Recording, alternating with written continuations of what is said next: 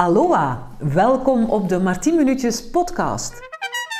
Van op deze plek neem ik je mee op een zoektocht naar gezond en prettig.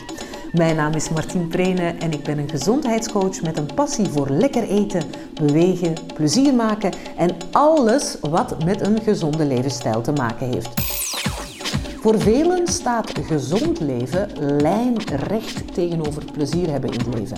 En dat is nu juist mijn stokpaardje. In deze serie podcasts vertel ik je over hoe je tot rust kan komen, in conditie kan blijven, gezonde keuzes kan maken en vooral lekker en wie weet nog beter in je vel kan komen te zitten. Hier gaan we dan. Een podcast over je adem. Is dat nu wel nodig? Mhm. Absoluut een hele interessante voor nu, want je adem ruik je nog beter met zo'n monddoekje op. Heel snel dus. En ik dacht, dat vraagt om een podcast. Een podcast over stinky adem. Eerst en vooral moet ik zeggen dat een slechte adem kan verschillende oorzaken hebben. Er zijn bijvoorbeeld aandoeningen zoals diabetes die een slechte adem kunnen veroorzaken. Je hebt ook hele moeilijke namen voor slechte adem en dat is bijvoorbeeld halitose of futor ex ore. Maar laat ons het maar gewoon hebben over uh, een slechte adem. Of uh, hoe wij thuis noemen, de geur van een dood vogeltje in je keel. De meest voorkomende oorzaken van een slechte adem is uitdroging van je mond. En dat kan bijvoorbeeld liggen aan medicatie. Vele soorten medicatie zorgen namelijk voor vermindering van de werking van de speekselklier en daardoor uitdroging van de mondslijmvliezen. In overleg met je dokter kan je besluiten om de medicatie ochtends in te nemen in plaats van s avonds. Want s'nachts is het hebben van een droge mond zelfs schadelijker voor het gebit en het mondweefsel dan overdag. En zet natuurlijk altijd een glas water naast je bed. Ik doe dat ook. Nu, slechte adem kan natuurlijk ook ontstaan uit onvoldoende mondhygiëne. De bacteriën op het achterste deel van je tong, die produceren namelijk zwavel. En dat stinkt. Enfin, proper gezegd, het geeft een onaangename geur. Natuurlijk ook tandbederf en tandvleesontsteking en ontsteking rondom de tanden en de implantaten kunnen een hele grote oorzaak zijn van dode vogeltjesgeur. Nu, ook zelfs ontsteking van de keelamandelen of amandelsteentjes. Je weet wel, die kleine witte brokjes die wel eens uit je keel vliegen als je een hele zware ja, nies- of hoestaanval hebt gehad. Die stinken. Wat helpt? Nu, een heleboel. Weet dat het regelmatig eten van bepaalde, zeker gezonde voedingsmiddelen ook wel invloed kan hebben op de geur van je adem. Denk dan aan peper, ui en knoflook of producten waar veel zuur in zit of een uh, te lage vochtinname. Hè, dat kan ook bijdragen tot een iets mindere geur, minder prettige geur. Ook voedselintoleranties die spelen een rol bij het ontwikkelen van een slecht ruikende adem. Denk bijvoorbeeld aan een glutenintolerantie of een lactoseintolerantie. Het eerste signaal van een stinkende adem is meestal een vieze smaak in je mond. En dan als je je tong uitsteekt, ik heb daar een filmpje over gemaakt, je moet dat maar eens bekijken, zo een wit-gelig randje of laagje eh, dat op je tong zit. En dat zijn eigenlijk voedselresten en bacteriën op je tong. En eh, dat geeft een vieze smaak. Ook ontstoken tandvlees trouwens. Nu, de gevolgen van een slechte adem kunnen natuurlijk op persoonlijk gebied grote gevolgen hebben. Schaamtegevoel, onzekerheid en isolatie kunnen dan voorkomen. Maar we zitten een beetje in isolatie momenteel, dus nu hebben we er vooral zelf last van. En ja, dat was mijn telefoon. Uh, door het optimaliseren van mondhygiëne en het aanpakken van problemen in de mond kun je dus eigenlijk veel leed voorkomen. Een tip tegen een slechte adem is meteen natuurlijk naar de tandarts of de mondhygiënist wanneer mogelijk om te kijken of er geen ontstekingen ontstekingen in je mond zijn. Ochtends natuurlijk meteen na het opstaan een glas water drinken, omdat dat een soort van waterslot ligt op je maag. Stop ook met roken, hè? maar ja, dat wist je al. En je kan naar een uh, keel, neus en oorarts gaan als je echt wel uh, zwaar last hebt. Of als jouw lief in katzwijm valt elke keer als je tegen hem of haar praat. Nog goede tips tegen halitose of slechte adem zijn uh, minimaal anderhalf tot 2 liter water per dag drinken. Dat mag ook kruidenthee zijn. Veel groente eten om je lichaam te ontzuren. Dan heb ik het niet over nachtschade of tomaten, want die verzuren je lichaam meer.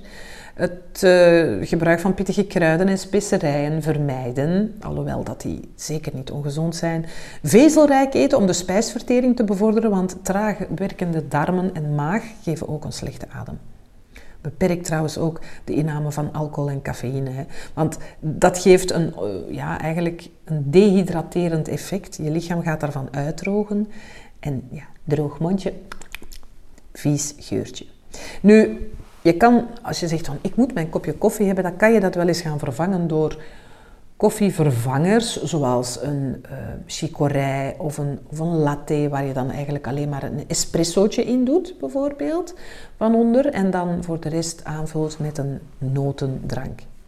En dan is er nog een geweldige manier om je mondgezondheid te optimaliseren, en dat is oil pulling of olie trekken. Dat is een oude Ayurvedische remedie en dat bevordert de mondgezondheid en de algemene gezondheid. Het gaat Eigenlijk om het gebruik van een zuivere olie, die dan schadelijke bacteriën, schimmels en andere organismen en toxines, toxines, toxische stoffen onttrekken aan je mond, aan je tanden, tandvlees, tong en zelfs uit je keel.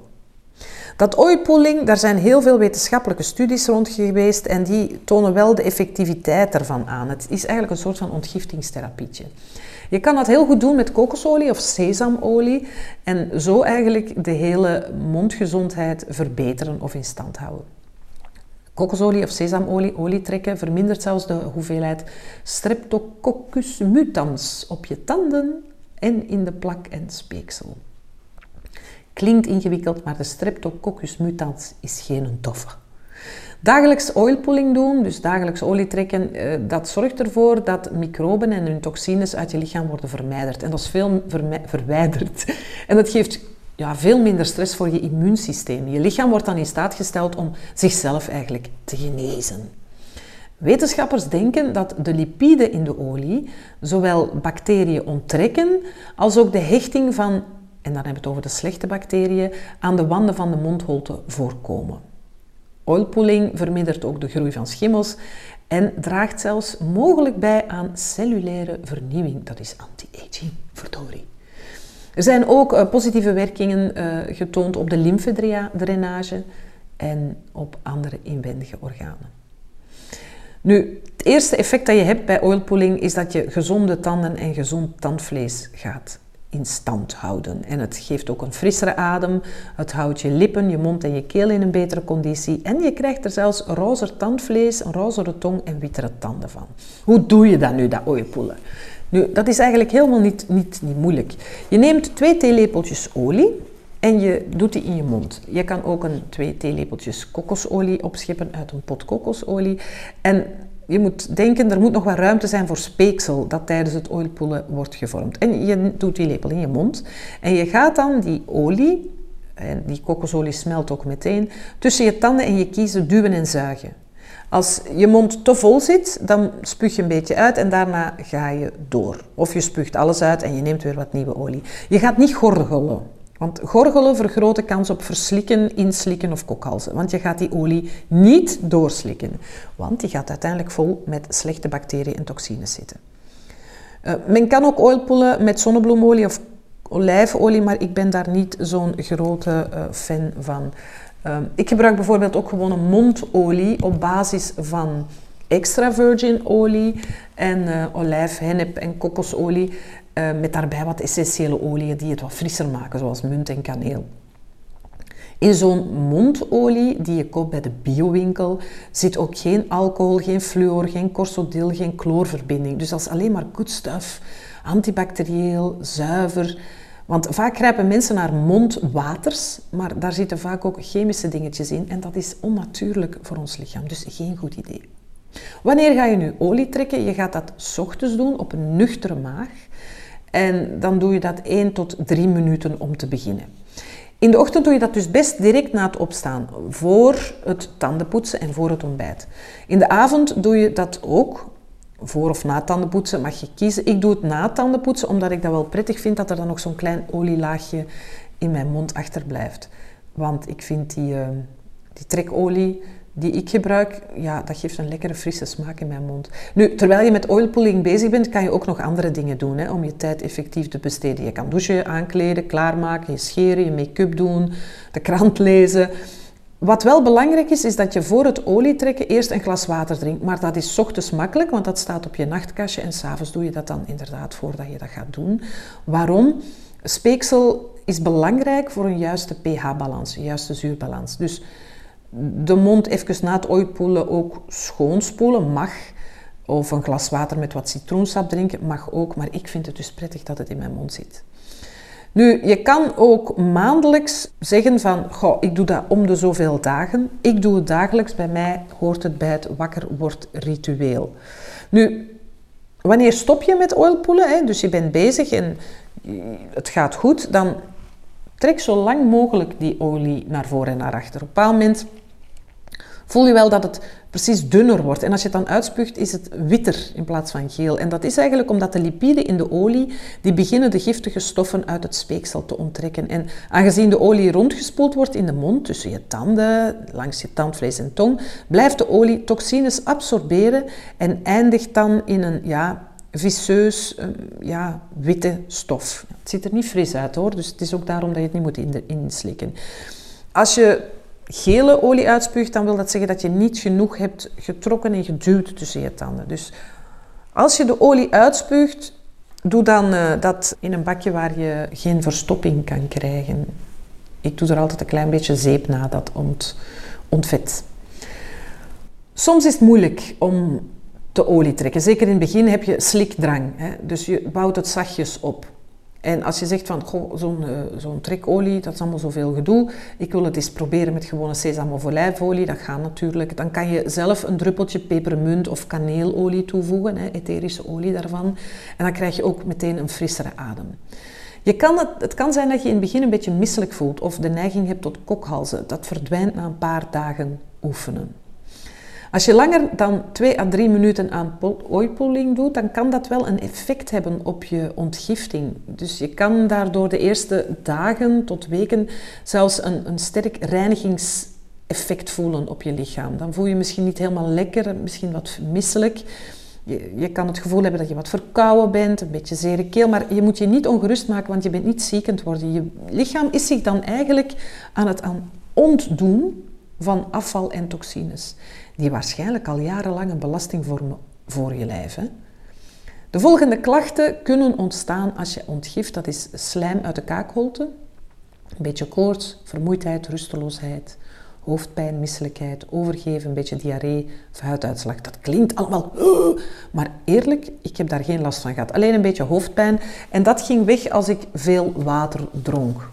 Nu, om onze lichaamcellen in balans te houden en gezond te houden, is het eigenlijk vooral van belang dat we de juiste voeding eten. Hè.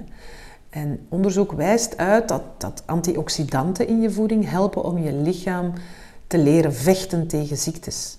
In plantaardige voeding, zoals in watermeloen, cranberries, in noten, in specerijen zoals kruidnagel, knoflook, curcuma, daar zitten veel antioxidanten in. Dus probeer ook naast het ontgiften door olie te trekken, ook te letten op gezonde, goede voeding. En denk in, deze tijden vooral aan vitamine C. Dat heeft een functie als antioxidant in je lichaam. Dat is nodig voor de vorming van je gezonde bindweefsel, de opname van ijzer en het in stand houden van een gezonde weerstand. Dus naast olie trekken is dat wel een hele goeie. En ik denk dat jullie daarmee al een heel eind verder zijn over wat jullie kunnen doen om ervoor te zorgen dat je een lekkere, frisse adem houdt. En ook wanneer je in dat mondmaskertje je eigen adem ruikt, dat je niet stijl achterover wil vallen, omdat je het gevoel hebt dat er een nest dode arenden achter in je keel huizen. Zo, deze Martin Minuutjes podcast zit erop hoop dat het je inspireerde. Snuister hier gerust nog wat rond om meer amusants en gezonds van me te beluisteren. En ik nodig je bij deze ook van harte uit op mijn site www.martineplene.be voor inspirerende filmpjes, gezonde tips en tricks en mijn gouden raad voor een nog prettiger leven. Bedankt om te luisteren en tot de volgende keer. Doei!